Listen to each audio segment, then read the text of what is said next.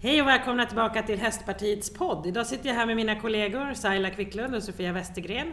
Och vi har ju liksom tagit fram ett förslag, eller 23 punkts förslag för att förbättra hästnäringen i Sverige. Visst är det fränt? Och det är väldigt viktigt för det här engagerar många ute i landet och dessutom är det en grön näring. Så att det ska ha all respekt och väldigt mycket engagemang som mm. finns där ute. Så det, jag tycker det är viktigt att Moderaterna står upp för dessa frågor.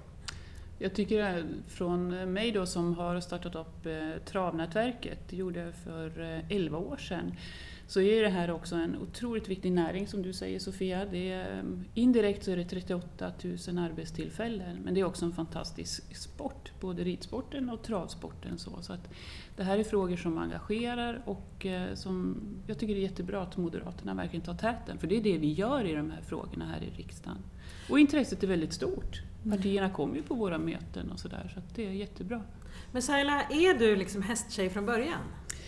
Nej, det är jag verkligen inte. Alltså, jag har ju ridit så när jag var yngre, men eh, jag kom in i travet eh, av olika anledningar och har följt dem ja, över tio års tid. Så rest runt på travtävlingar och besökt eh, många travsällskap i landet och eh, har verkligen förstått, eh, som jag sa tidigare, den viktiga näringen, men också Eh, vilken härlig sport det är som engagerar alla åldrar.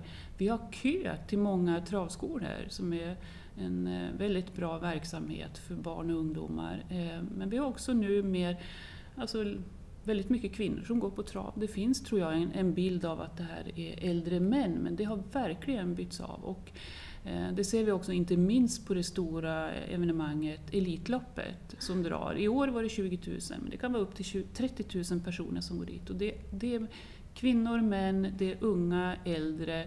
Eh, det engagerar alla.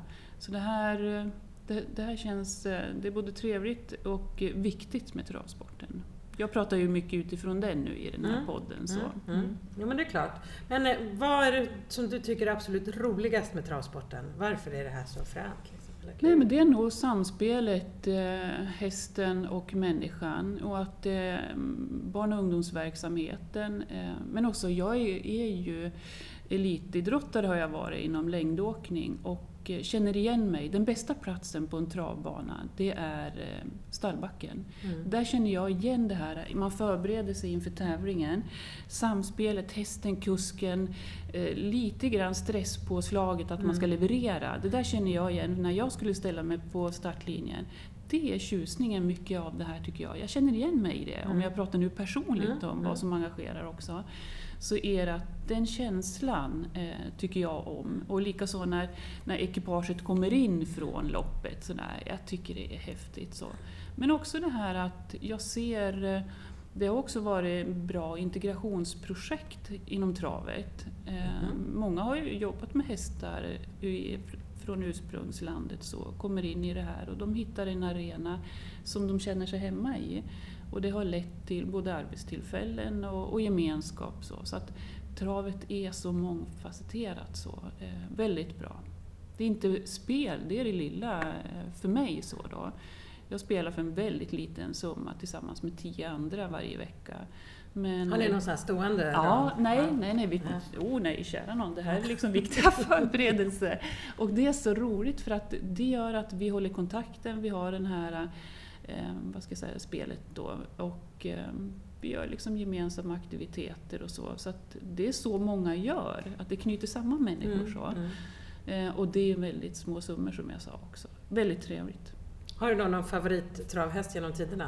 Nej, men det, fin det finns många eh, och några har ju verkligen eh, kommit människor närmare hjärtat. Så. Jag skulle inte vilja framhålla någon speciell så, men, men det är klart att eh, det är många som sitter i människors hjärta. Järvsöfax till ja, exempel är en utav dem. Ja. Legolas! Ja, verkligen. Det finns eh, många. Eh, men och de, det är också så här att man eh, blir delägare, man kan bli delägare i en häst. Ja. Och, och, det behöver inte alls vara stora summor man går in med. Men vi har ju sådana exempel också där man reser runt i ett eh, kompisgäng och följer den här hästen. Mm. Du kan följa den via media men också på plats och det är jätteskoj. Så jag har också varit delägare i, i en häst och tycker det är jättetrevligt. Så det är också ett tips om man vill komma nära det här att man går in med en liten andel, eller om man vill ha en stor så är det okej, men det behöver inte vara dyrt. Men Nej. då har du en häst som du kan följa och så. Jättebra. Mm. Kuskarna och ägarna och så är ju väldigt duktiga också på att förse med eh, ägarna med information, eh, möten, träffar. eh, Mm. Jättetrevligt. Så det skulle jag kunna rekommendera faktiskt. Men Sofia, du är ju hästtjej från början. Ja, och jag kommer ju mest då från hoppsporten. Ja. Och någonting också som jag skulle vilja lyfta här det är ju att travsporten nu har byggt eh, arenor för eh, ridsporten på sina Precis. stora proffsanläggningar. Mm. Och det kommer ju ridsporten till del på ett Mhm. väldigt fint sätt. kan du Eh, nämna något exempel? Jag kommer från västkusten så Ja. vi har ju Åby travbana där. Mm. Så att där är ju många ridföreningar eller ridklubbar och annat som, Som arrangerar, som hoppar i mitten, ja, som arrangerar tävling. Ja. För det krävs ändå att man har ett bra underlag och bra hindermaterial och så vidare. Och det Mm. har de ju på travbanor. Östersund var likadant. Vi har hopptävlingar där. Jättestor anslutning till måste det. ju vi vara Populärt. med på någon gång. Ja, absolut. Verkligen. Mm. Och även Sundbyholm. Så Sundbyholms travbana har ju SM i år igen. Mm. Eh, Så just det här, Just det, då skulle kungen komma har jag hört. ja så kommer kungen. Kungen kommer Och jag komma. kommer också dit. Ja, är det ser. därför kungen kommer dit kanske? Kanske jag får följa med. Ja, såklart. såklart, såklart. Eh, Men det här är ju en jättefin tillgång, en förmån egentligen för ridsporten. Så vi ska ju tacka travsporten. Så jag passar på att Mm. tacka Bra. Saila här. Du får representera travsporten helt enkelt i det här lilla forumet. Jo men det är jättebra och att, att man nyttjar travbanorna. Det är fantastiska anläggningar. Dels till ridsporten men jag har också varit, haft ett engagemang i Svenska skidförbundet och där hade vi världscup i Borlänge på travbanan också. Så jag Och, tror att det eh, här är bra. Ja, där. ja visst. Så att, eh, att vi nyttjar de stora fina anläggningarna och eh, då är hopptävlingarna inte minst en jättebra. Mm. Men hörni, det här med anläggningar, det är ju faktiskt ett av våra förslag. Som vi vill, att vi faktiskt ska ha fler anlägg- eh, kan inte prata, anläggningar i, i Sverige, runt om i våra kommuner. Eh, eller hur Saila? Ja, Ja, nej men absolut. ja, det gäller, ju, gäller generellt eh, idrotten i stort. Och, och det där ser vi nu, många av anläggningarna byggdes ju på 60-70-talet och behöver restaureras nu eh, och byggas om. Eh, såklart att vi, det här samlar som jag sa tidigare också, och barn och ungdomsverksamheterna är ju jätteviktiga, inte minst i de här tiderna. Så att, att vi behöver nya anläggningar, om inte annat, om de inte är nya så behöver de rustas upp och att också då kommunerna eller privata intressenter är verkligen med på tåget då och är med på de här satsningarna. För det här är folkhälsa men det handlar om andra saker också så att säga. Ja, just där hitta nya finansieringsformer för att stödja Ja. investeringen i kommunerna. För Ja. det är ju dessutom väldigt vanligt att man bygger ishallar eller eh, konstgräsplaner men det är inte så vanligt det här med ridanläggningar eller eh, för någon del in, inom hästnäringen. Så att, och kan man då samutnyttja som ni berättar nu om hoppning på travbanan och liknande så är det verkligen bara win-win. Men ett av förslagen är ju just att eh, förbättra den delen med anläggningar. Och det finns ju också eh, en, eh, en eh, önskan om att man skulle ha en större eh, anläggning, tävlingsarena för inom hästsporten i Sverige. Vi har ju våra riksanläggningar naturligtvis, eh, Vången, Strömsholm och Flyinge. Men en ytterligare en riktig tävlingsanläggning så att vi verkligen skulle stå oss i, konkurrensen. Och då vore det ju främst att man kunde just samutnyttja för, för flera sporter. Ja, och jag tror när du säger att vi, vi skulle kunna ha en huvudarena, det har man ju inom andra idrotter så ofta. Men att få den större bredden så tror jag ändå på att, att man verkligen jobbar för samma arrangemang på de befintliga Mm, banorna. mm. Det är ju ändå över 30 stycken inom travet till Mm. exempel, banor, travsällskap.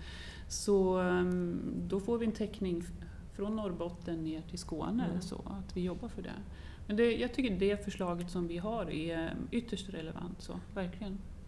Hörrni, jag var på nationaldagsgaloppen här på nationaldagen, Mm. på Gärdet. Alltså man har flyttat en hel eh, tävlingssport till mitt i stan. Ja. Eh, Och där galopperade de, det var små ponnysar, alltså de var ju så söta så man ville bara stoppa med en i fickan och ta hem.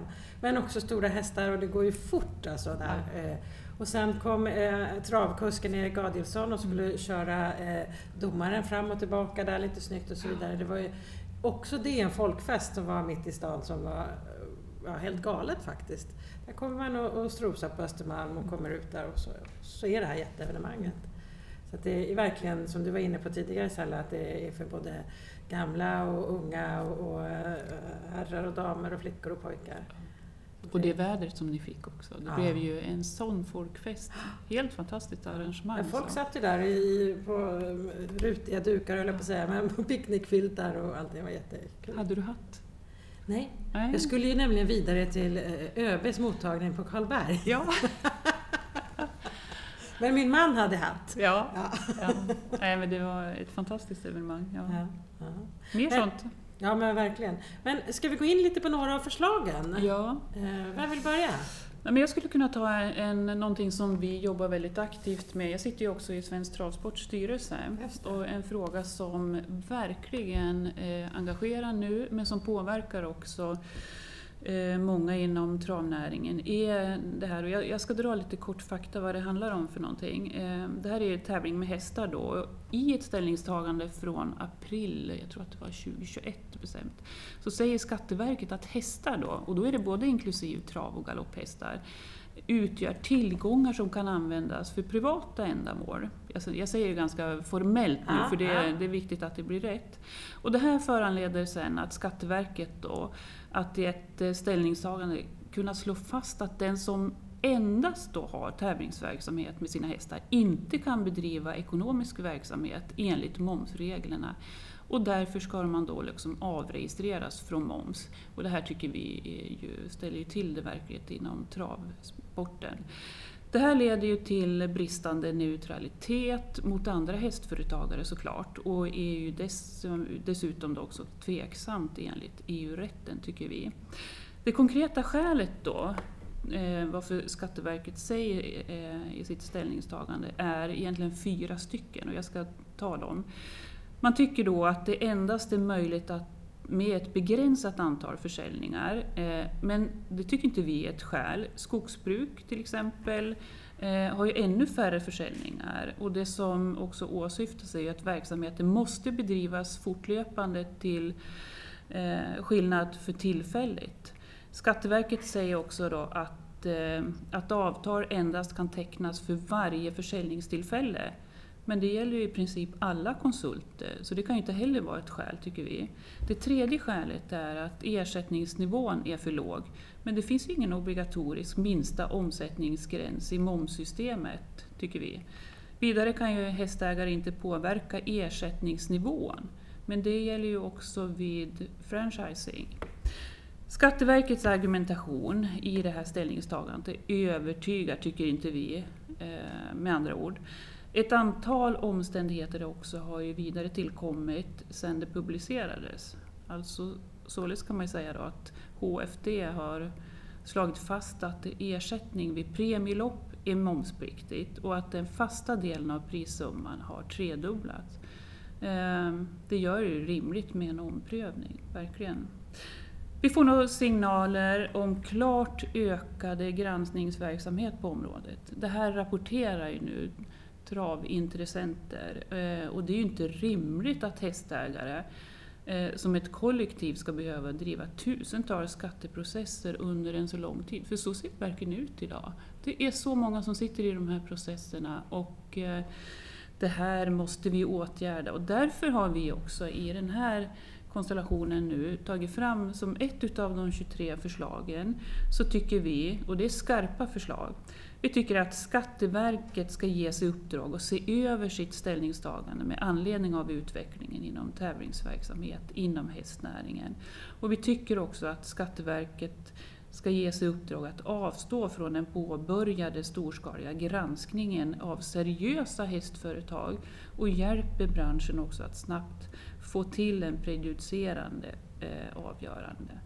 Det här känns jätteviktigt. Det här jobbar vi väldigt intensivt med nu från travsporten. Vi har haft träffar med både regeringsföreträdare, vi har haft träffar med Skatteverkets generaldirektör och vi måste få en lösning. Vi tog upp det här på Travnätverket eh, och där fanns ju alla partier representerade. Och jag tror inte det var något, någon företrädare där eh, som tyckte något annat utan man har förståelse. Så det här är någonting som vi moderater kommer att jobba vidare med men vi måste också få spridning på det så att politiken i stort eh, jobbar vidare med frågan. Men det här är ju lite krångligt, men kan man enkelt säga att eh, eh, om du har en travhäst och, eh, som du tävlar med i ett företagsform mm. så säger Skatteverket nej nu får du inte dra moms längre för det här är inte egentligen en riktig företagsverksamhet. Ja. Det är vinsterna som du drar in. Ja. ja. Ja, förenklat kan man säga. Ja, så, att, det är väldigt... så egentligen så säger Skatteverket att det är ganska många som inte får vara företagare fast de vill vara företagare. Ja. Det finns ju en ganska stor risk för att det blir svarta pengar i den här äh, branschen fast man inte vill det. Ja men precis, och det man säger är att det här utgör liksom tillgångar som kan användas för, för privata ändamål ja. och då skulle inte det gälla. Det är ju det är Varför skulle man fuska i ett sådant företag bara för att det handlar om hästar? Ja, och framförallt man upplever det här som en stor häxjakt egentligen ja. där man ifrågasätter och det är enorma mejlväxlingar och ja, även fysiska möten där man måste motivera det här. Så att, eh, märkligt, men vi jobbar ja. med, med den frågan. Verkligen. Härligt. För det är ju precis det som du säger där Alexandra, det är ju konkurrens nackdelen då eh, för de som då kör det svart mot de som försöker ha, köra det vitt och i bolag. Ja. Och vi och det, har ju en väldigt vit eh, bransch idag så det här skulle ju bara förstöra. Ja, vi har ju mm. varit med nu på eh, några stycken så här seminarium där, man, där branschen drar de här exemplen. Och då har det ju visat sig att Sverige har legat långt framme med att ha en vit seriös marknad just inom eh, travet som eh, har hållits uppe och som har eh, getts, för, getts eh, kommentarer kring hur bra den har utvecklats mot våra grannländer. Så det är väldigt eh, sorgligt att det här sker nu. Och det handlar egentligen, tror jag, om synen på hela hästnäringen. Man tycker att det är kanske är mer hobbyverksamhet, men det är ju inte det. Man får inte glömma bort att eh, hela omsättningen med alltså alla spridningseffekter, mm. det är en halv procent av vår BNP. Det är jättemycket pengar som hästnäringen omsätter. Och det verkar man någonstans liksom bara mm. sopa under mattan. Vi vet ju att det, vi har fler hästar nu än kossor. Ja. Och någonstans så är ju detta en grön näring. Vad sa du Alexander? Det är i sig ett problem. Det, behöver mat ja, också. ja, och det är ju bara en stor fördel för eh, lantbrukarna kan ju sälja sitt spannmål eh, till. Eh, hästfolket. Så att detta är ju jätteviktigt nu att vi står upp och värnar den här näringen, hästnäringen. Mm. Ja, och framförallt att vi har sett en stor förändring om att branschen har blivit gått från svart till vit. Mm. Ehm, men som sagt var, vi kommer att kämpa på i den här frågan. Den är ytterst central och viktig. Så mm. därför ligger den också med ja, i vårt 23-punktsprogram. Sofia, du har ju varit rätt mycket i media kring att hästen inte ska jämställas med ett kylskåp. Mm. Vad gäller den frågan? För det finns ju också med som ett förslag här. Mm. Man kan aldrig göra hästen fyrkantig som ett kylskåp. Nej, och inte kall och Utan det är väl, ja. Så att egentligen här är en direkt motsatsförhållande till det som Saila nu har beskrivit. Så har vi den andra sidan på myntet där, där just hästar i en försäljning när det går galet kan eh, helt plötsligt eh, upp... Alltså är, finns det någon näringsidkare som är med i den processen så är det just näringsidkaren då som blir stämd. För så här Får är det. ta lite det här från början för de som lyssnar kanske inte riktigt är lika insatta som vi. Så är det ju. Jag kände det. Om jag som eh, företagare säljer en häst till dig som privatperson då har vi konsumentköplagen. Ja. Och konsumentköplagen är ju en väldigt bra lag som är till för att skydda konsumenten. Och den fungerar väldigt väl i just kylskåpsförsäljningar. Just mm. När vi går till en eh, vitvaruhandel och köper ett kylskåp och, den, och det är något fel på den så kan vi komma tillbaka, reklamera, eh, säljarna har möjlighet att avhjälpa felet. Funkar inte det så kan man få ett likvärdigt kylskåp. Får man ett nytt kylskåp? Då får man ett nytt ja. kylskåp. Alltså det är det, samma lagstiftning som gäller på hästar? Eller det är ju samma lagstiftning som gäller för hästar. Och jag menar, en häst är per definition begagnad redan när den föds. Det finns ju ingen häst som är den andra lik. Det går aldrig att ersätta en häst exakt med en annan häst. De har ju skillnader och även vi som då han skulle köpa en häst och skaffa oss en häst. Vi tycker olika om samma häst. Ja. Så Man vi kan har ju gilla hästen eller inte gilla hästen. ja, Eller klara av hästen eller inte klara av hästen. så är hästen som är bra för mig är inte bra för Saila och är jättebra för dig. Så vad kan hända då? Om, jag kör, om du nu har köpt hästen av mig, jag är företagare och du är privatperson och så efter två år så, så är du inte nöjd med den här hästen. Mm. Kan du reklamera den då? Mm. Så var det i den förra konsumentköplagen, den som var före 1 maj 2022. Så det har skett en förändring nu så att nu måste man hålla ordning på 1 maj, den är viktigt datum. Eh, Det som man kunde se då det var ju att eh, man kunde skaffa sig en häst, man kanske inte hade någon hästvana, man kanske inte brydde sig så mycket om hästen. Det var hets och, och, och man skulle ut på tävlingsbana och man tävlade och tränade så frenetiskt så att hästen eh, kunde ådra sig skador. Och det kunde vara många månader efter köpetillfället. Och de skadorna kunde man sedan stämma säljaren för. Och säga att det där var när jag köpte. var Att det där fel. var, ja. Så då hade vi den omvända bevisbördan som var den delen som var mest kritiserad i eh, den gamla konsumentköplagen. Men då har det alltså skett en förbättring från första maj? Det har skett, men jag tänkte jag ska bara dra, dra detta nu till sin spets. Så att då var den skadan som eh, hästen nu hade ådragit sig på grund av eh, för mycket slitage, man kan inte hoppa hästen sju dagar i veckan, eh, alla dagar i varje månad liksom, det går inte. Då, det håller, få hästar håller för det. Då var det alltså säljaren som skulle bevisa att skadan inte hade funnits vid eh, köptillfället. Alltså en omvänd bevisbörda då. Mm, mm. Och detta blev egentligen ganska orimligt. Dessutom har vi haft en branschkutym där du som säljare inte kunde kontrollera hästen hos mig. Så jag kunde, om jag hade sålt hästen till dig, jag skulle bevisa att det inte var något fel, så fick jag ändå inte tillgång till hästen. Så är det. Och dessutom det absurdaste av, av alltihopa det är att ofta en sån här rättsprocess tar över ett år. Jag har köpt hästen av dig, har Stämt gjort mig? vad som helst, jag har stämt dig. Eh, det är klart att man inte är så glad i hästen, men jag menar detta är ju, alla är ju förlorare. Både säljare, köpare och hästen Mm. framförallt är ju väldigt stora förlorare i rättsprocessen. Det är Mm.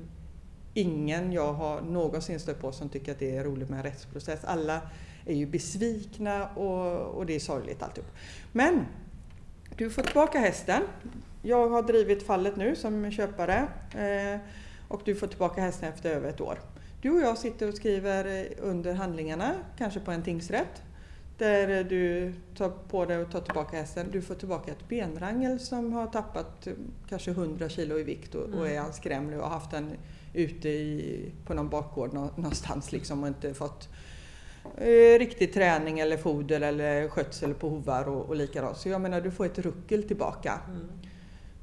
Och då är man inte så glad att driva på en rättsprocess igen där. Så att det har ju varit hästar här som har mött döden på grund av eh, det här dåliga systemet. Det har varit ett systemfel helt enkelt. Så det som har hänt är ju nu från första maj så kan man ta bort den omvända bevisbördan och sen måste vi i branschen också se till att säljaren ges rätt att kontrollera varan. Men hur då ta bort? Gör man det via avtalsform då eller? Avtalsform. Vi måste vara duktiga att skriva avtal och, och att den omvända bevisbördan, för den passar inte här. Så läser man förarbetet nu till eh, konsumentköplagen så står det också att, att det här ska göras för att det ska vara uppenbart och tydligt för eh, köparen att den omvända bevisbördan tas bort helt Okej. enkelt. Så att ingen Så tror om man inte skriver det så tas den inte bort? Utan Så då tas som den inte bort. tidigare? då blir den som den är varit tidigare. Men däremot om du och jag är privatpersoner och i köplagen. Köplagen är- har ju större möjlighet att avtala vad vi vill om. Ja. Så är vi bara tydliga där vad du och jag vill i, i köpet liksom. Mm. Då eh, kan man avtala, avtala egentligen i stort sett om allting. Det går alltså inte i konsumentköplagen som är en mer skyddande lag för konsument. Mm. Mm. Där det då anses att säljaren ska ha ett kunskapsövertag och konsumenter behöver skyddas då. Jag har ju mött en hel del företagare som eh, har slutat att sälja hästar till privatpersoner. Vad ser du för eh, långsiktig risk med det? Liksom? Den risken är helt uppenbar. Eh, så att det finns många säljare som möjligtvis kan tänka sig att eh, sälja föl till privatpersoner, Ja. enbart föl. Mm. För att då tar det så pass lång tid helt enkelt. Det tar mer än två år in- innan Mm. de kan slita ut dem om man nu uttrycker sig på det viset. Eh, Men tävlingshästar säljs alltså bara till näringsidkare så att köplagen då blir gällande. Mm. Och det som också är risken här med konsumentköplagen det är att du och jag säger vi, vi är privatpersoner, vi ska köpa och sälja en häst till varandra här. Men Saila, hon har ett företag och hon går in och hjälper dig och mig här i vår Hitta häst, rätt häst. Ja, Mm. hitta rätt häst. Och hon kanske är igång där och provrider och, och stöttar på, med sin kunskap. Men hon tar ingenting betalt för det. Men vi har ju en fri stämningsrätt i Sverige så att då kan ju köparen se att eh, Saila är inblandad, hon har ett företag. Så då stäms Saila.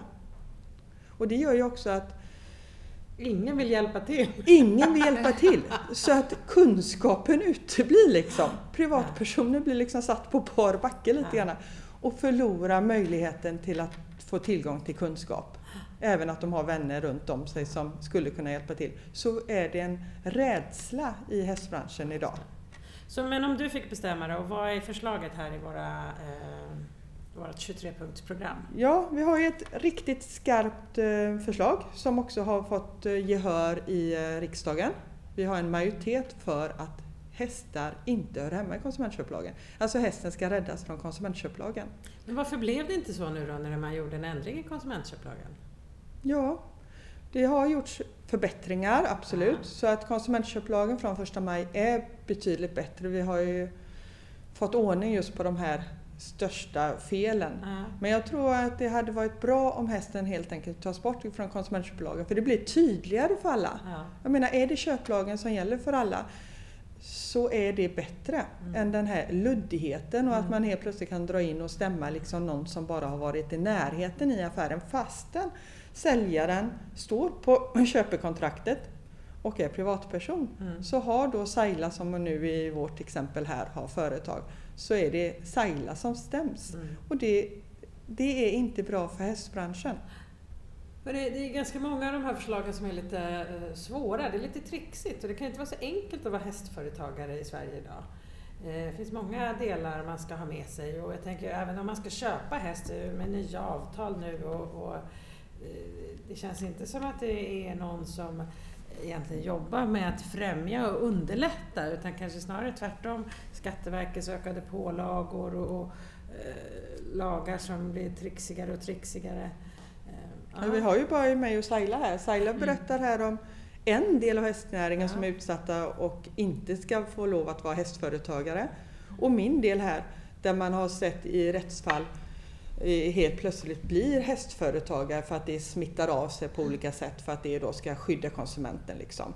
Så att bara här nu runt bordet så har vi två sidor på det här Mm, myntet. mm. Som är, det här drabbar enskilda personer och familjer oerhört Mm. hårt. Mm. En annan del som drabbar eh, djurägare generellt, men ofta, väldigt ofta hästar också naturligtvis, är ju veterinärbristen som vi har. Mm. Där man, eh, vi har läst eh, om eh, de som har fått åka med halta och lytta hästar väldigt långt för att det inte funnits distriktsveterinärer och liknande. Här är ju våra förslag att vi ska öka veterinärplatserna.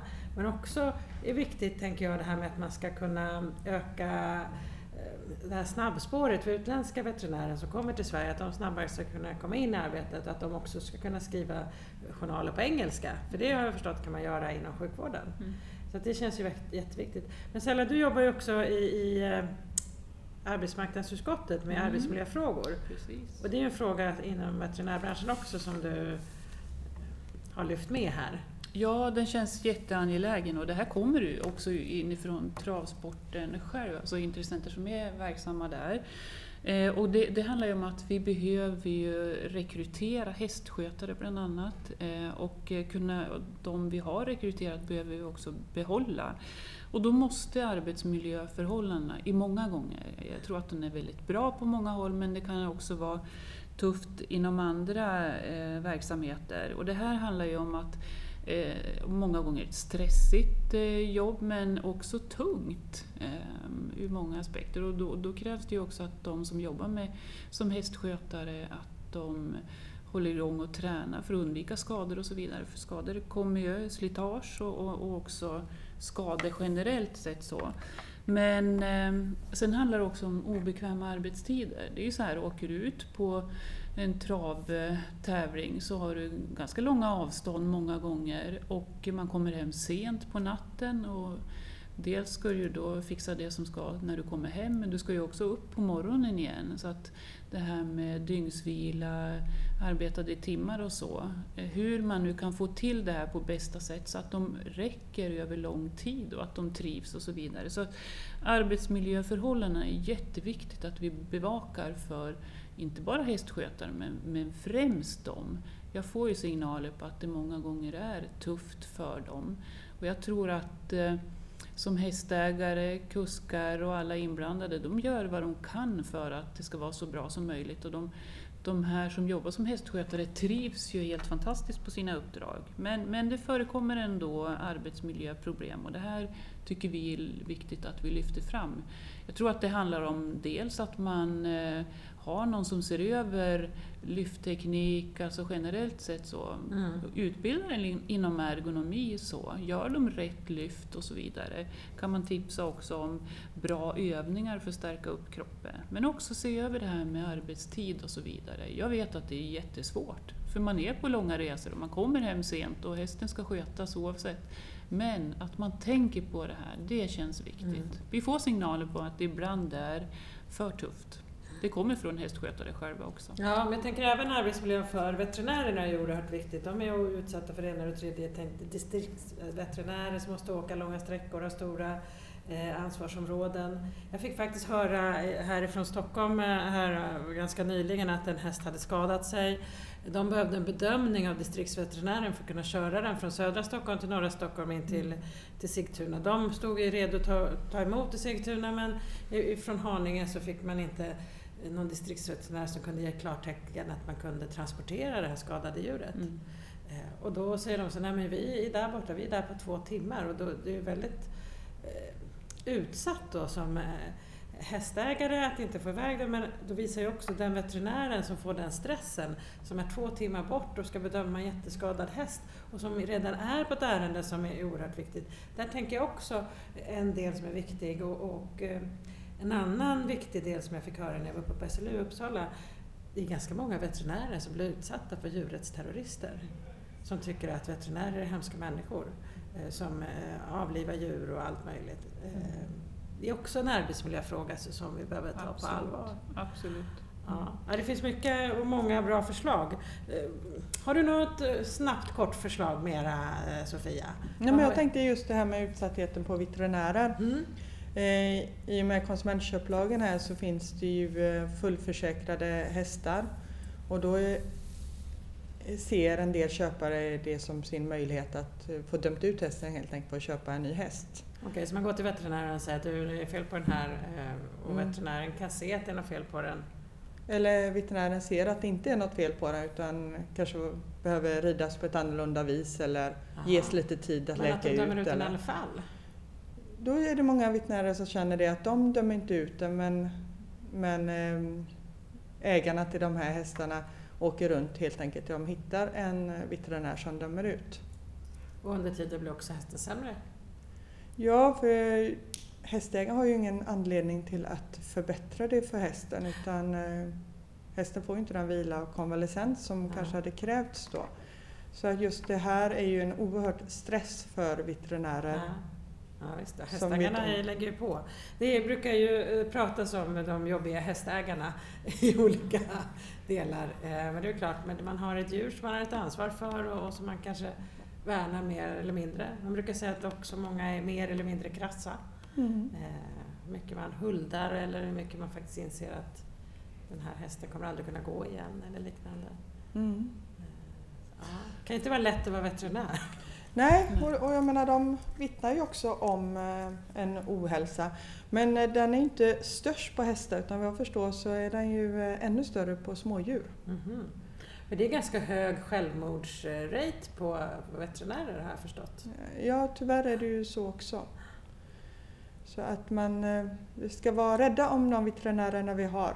Ja, Var snäll mot din veterinär hörni. Mm, just det. Så, så, det är ett skarpt medskick ifrån oss. Det stod ju inte med här på vår punktlista men vi hade andra... Vi får lägga till det. Ja, då blir det 24 förslag här. Ja. Eh, någonting också är ju att eh, kostnaderna eh, sticker iväg. Mm. Och vi har ju också eh, lite grann blickat på vilka kostnader vi skulle kunna ta tag i. Ja. Och bland annat så är det ju en kostnad för att vi ska ha en veterinär som kontrollerar hästen som ska ut och tävla i Europa. Inte den här veterinären som du nämnde nu som ska bedöma en skadad häst. Utan Nej. då ska alltså en veterinär komma hem och bedöma om en tävlingshäst som ska ner och tävla på eh, elitnivå ute i mm. Europa klara av en hästtransport på ett par timmar ner igenom. Liksom. Och då är det liksom en fulltränad elithäst som ja. ska kunna klara av det? Mm. Ja, så vad är förslaget där då? Att man inte ska behöva en veterinär? Eller? Ja, man måste kunna göra skillnad för att den här lagstiftningen kommer ju till för att eh, slaktdjur inte skulle få en absurd ja. Eh, sista resa. Liksom. Ja, det. Och det är ju viktigt. Ja. Men det blir lite snett när samma bedömning ska göras på en tävlingshäst. Sen har vi ju de... gäller oavsett vad det är för typ? Liksom. Ja, precis. Som förändring att man ska inte behöva det på när man ska iväg med elit? Man kan ju inte göra samma bedömning på en elithäst som har ekoterapeuter och hovslagning och foder och allting på så yttersta toppnivå som en slakthäst som mm. går ut i Europa. Där måste man ju liksom helt enkelt krasst förstå att det är behöver, behövs olika saker. Ja. Det som är bra i den delen det är att vi ska hålla ordning på smittskyddet. Mm. Ja, vi har ju haft ett par olika smittutbrott nu. Jag har tänkt på EVH1, den här hemska neurologiska varianten och kvarka som vi har levt mm. med mm. alltid mm. egentligen. Mm.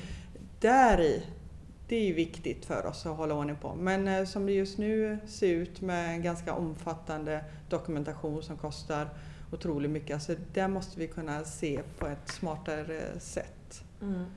När vi är inne på kostnader då så finns det ju andra kostnader man kan hjälpa till med som faktiskt eh, är eh, riktigt skrämmande här framöver.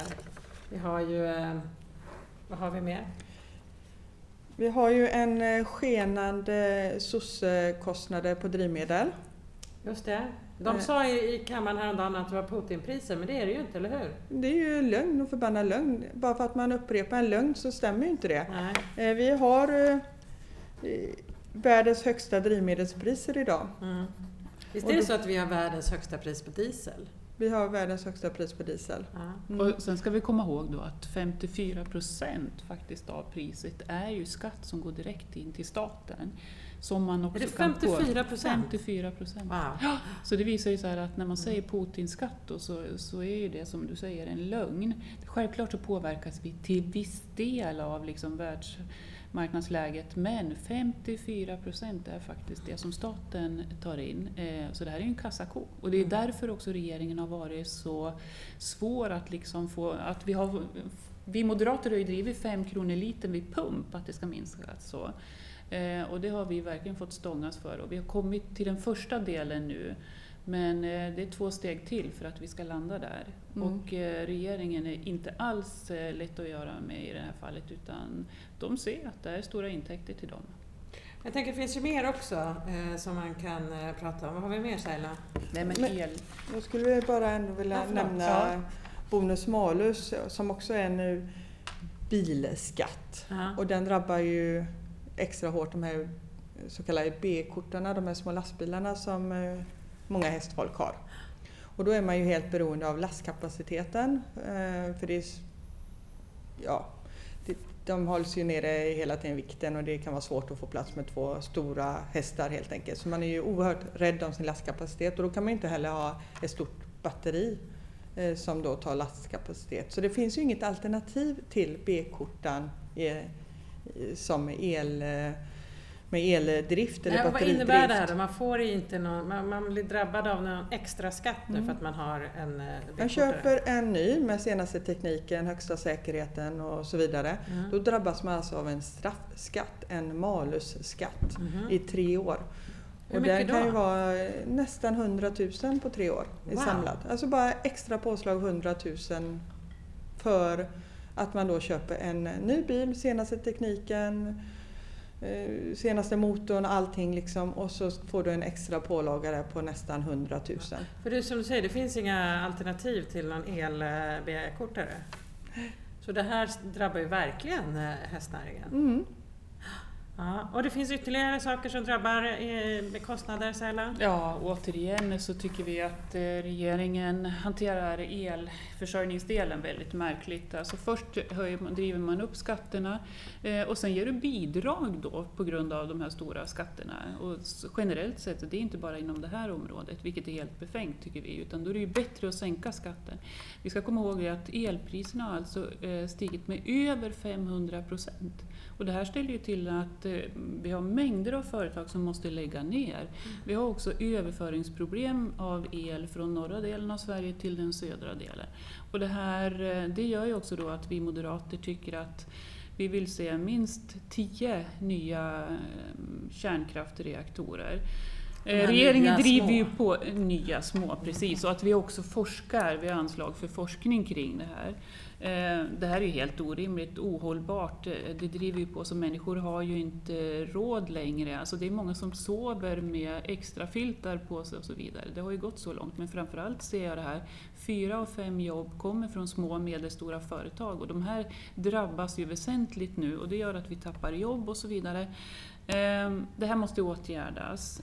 Men det är också en, en stor intäkt till staten och jag tycker inte man visar förståelse för varken företagande eller för privatpersoner. Så, så att, eh, det här måste åtgärdas. Vi har en tydlig plan. Vi står på tre ben med elförsörjningen. Det är vattenkraft, vindkraft och kärnkraft. Men när det inte blåser så måste vi ha det absolut bästa alternativet och det är ju kärnkraft. Det driver vi på. Men det här drabbar ju också hästnäringen såklart. Som och ridskolor har... tänker jag, som ja. Eh, ska i många fall drivs av föreningar ja. och får dubbla elkostnader. Det ja. har man ju inte riktigt beredskap för när man försöker göra så mycket som möjligt ideellt. Man har eh, hästskötare som är inne på fritid och hjälper mm. till på många ställen. Mm. Även om det sköts via företag också så, så blir det ju en enorma kostnader. Ja, och vet du vad? Eh, Alexandra, det är så här att om det blir högre kostnader för de som anordnar de här aktiviteterna så driver ju det också upp priset för eh, att liksom delta i det här. Ja, den och då blir det en överklassport. Och då, då är det precis det, det. Då får vi liksom grupperingar i samhället, de som har råd att hålla på med både ridsport och travsport. Mm. Och det är inte bra. Det är något vi har jobbat för så otroligt länge inom näringen, att det ska vara en sport för alla. Ja. Man tävlar på samma villkor, killar och tjejer och gamla och unga och så vidare. Dessutom är ju detta en jätteviktig ungdomsgård. Vi ja. har ju många vittnesmål om att detta är, har räddat många ungdomar ifrån annat. Ja. Det är en ungdomsgård som är öppet eh, sju dagar i veckan, ja. året runt. Eh, och det är meningsfullt och man behöver liksom inte hitta på någon annan sysselsättning utan detta är ju en fungerande verksamhet som, som är verkligen till för ungdomar. Oerhört viktigt att stå upp för våra ridskolor. Ja, och även häst, häst, alltså vara, vi brukar säga många gånger att vi ska ha mer häst åt fler. Mm. Och det är också ett av förslagen som vi har till regionerna, att man ska kunna få ha mer hästunderstödda insatser mm. så att man kan få till exempel både psykisk och fysisk rehab i, i samband med hästar. Det, det finns ju en del som inte ens rider utan bara vara med hästar gör att man mår så mycket bättre. Mm, Men hörni, tiden börjar springa iväg och vi ska iväg på utskott. Jag ska på försvarsutskott. Finansutskott. Arbetsmarknadsutskott. Ja, så att uh, utöver våra utskott så har vi alltså hästnäringen gemensamt. Det tycker ja. jag är så fränt roligt att jobba tillsammans. Jag tänker en sista avslutande om ni vill säga någonting ni skickar med. För att alla som lyssnar, ni kan gå in på Hästpartiet på Facebook eller på Instagram och där kan ni se de här 23 förslagen. Och det slutar ju inte med det här utan vi kommer ju fortsätta mm. Eh, ta fram bra förslag för att vi ska kunna förbättra för hästnäringen. Tillsammans med hästnäringen naturligtvis. Och då är det viktigt att man, att man hör av sig. Ja, jag tycker det. Går, vi finns ju med våra namn nu eh, och då är det egentligen namnet plus riksdagen.se, alltså Saila Kvicklund riksdagen.se. Och lika för er. Saila Kvicklund. Ja, precis. Ja. precis. Eh, så hör av er, för att det är jätteviktigt att vi får inspel och så, för det, vi beaktar varenda input från er. Så hör av er och vi fortsätter i Travnätverket och i Hästnätverket. Hästnätverket. Och vi kommer att resa runt i sommar på olika travaktiviteter och andra ridsportaktiviteter. Så Eh, och vi kommer gärna ut och hälsa på i de det, olika det verksamheterna. också. Så att, eh, hör av er till oss. Eh, vi- ni hittar oss också på riksdagen.se med kontaktuppgifter. Ja, men då börjar vi lida mot sitt slut idag. Sofia, har du något avslutande innan vi eh, säger tack och hej för idag? Nej, inte mer än att man ska njuta av sommaren och se om man viktigt. kan få någon galopp i någon, eh, Någon lång någon äng. havskant eller Ja. någon lång äng. Eller, ja, jag tänker att det, långa galopper och uteritt. Ja, mer- om man inte är travhäst, då ska man inte galoppera. Jag tänkte säga Nej. Men Ja, låt hästarna viktigt röra sig. ja. Det är viktigt att fatta höger galopp. Och höger galoppen måste man alltid värna. Ja, hörni, ni som lyssnar, eh, tack för att ni har lyssnat idag och nästa vecka kommer det naturligtvis ett eh, nytt spännande avsnitt av Hästpartiets podd. Trevlig sommar på er kollegor, eller vi har ju inte jobbat färdigt ännu. Nej, nej, Nej, nej. Nu jobbar vi, jobbar vi vidare. vi och- jobbar till den 11 september först och främst. Ja men precis, nu är det valår, nu kör vi. Ja, men tack för idag och så Tack. hörs vi nästa vecka. Hej då! Tack. Hej, hej.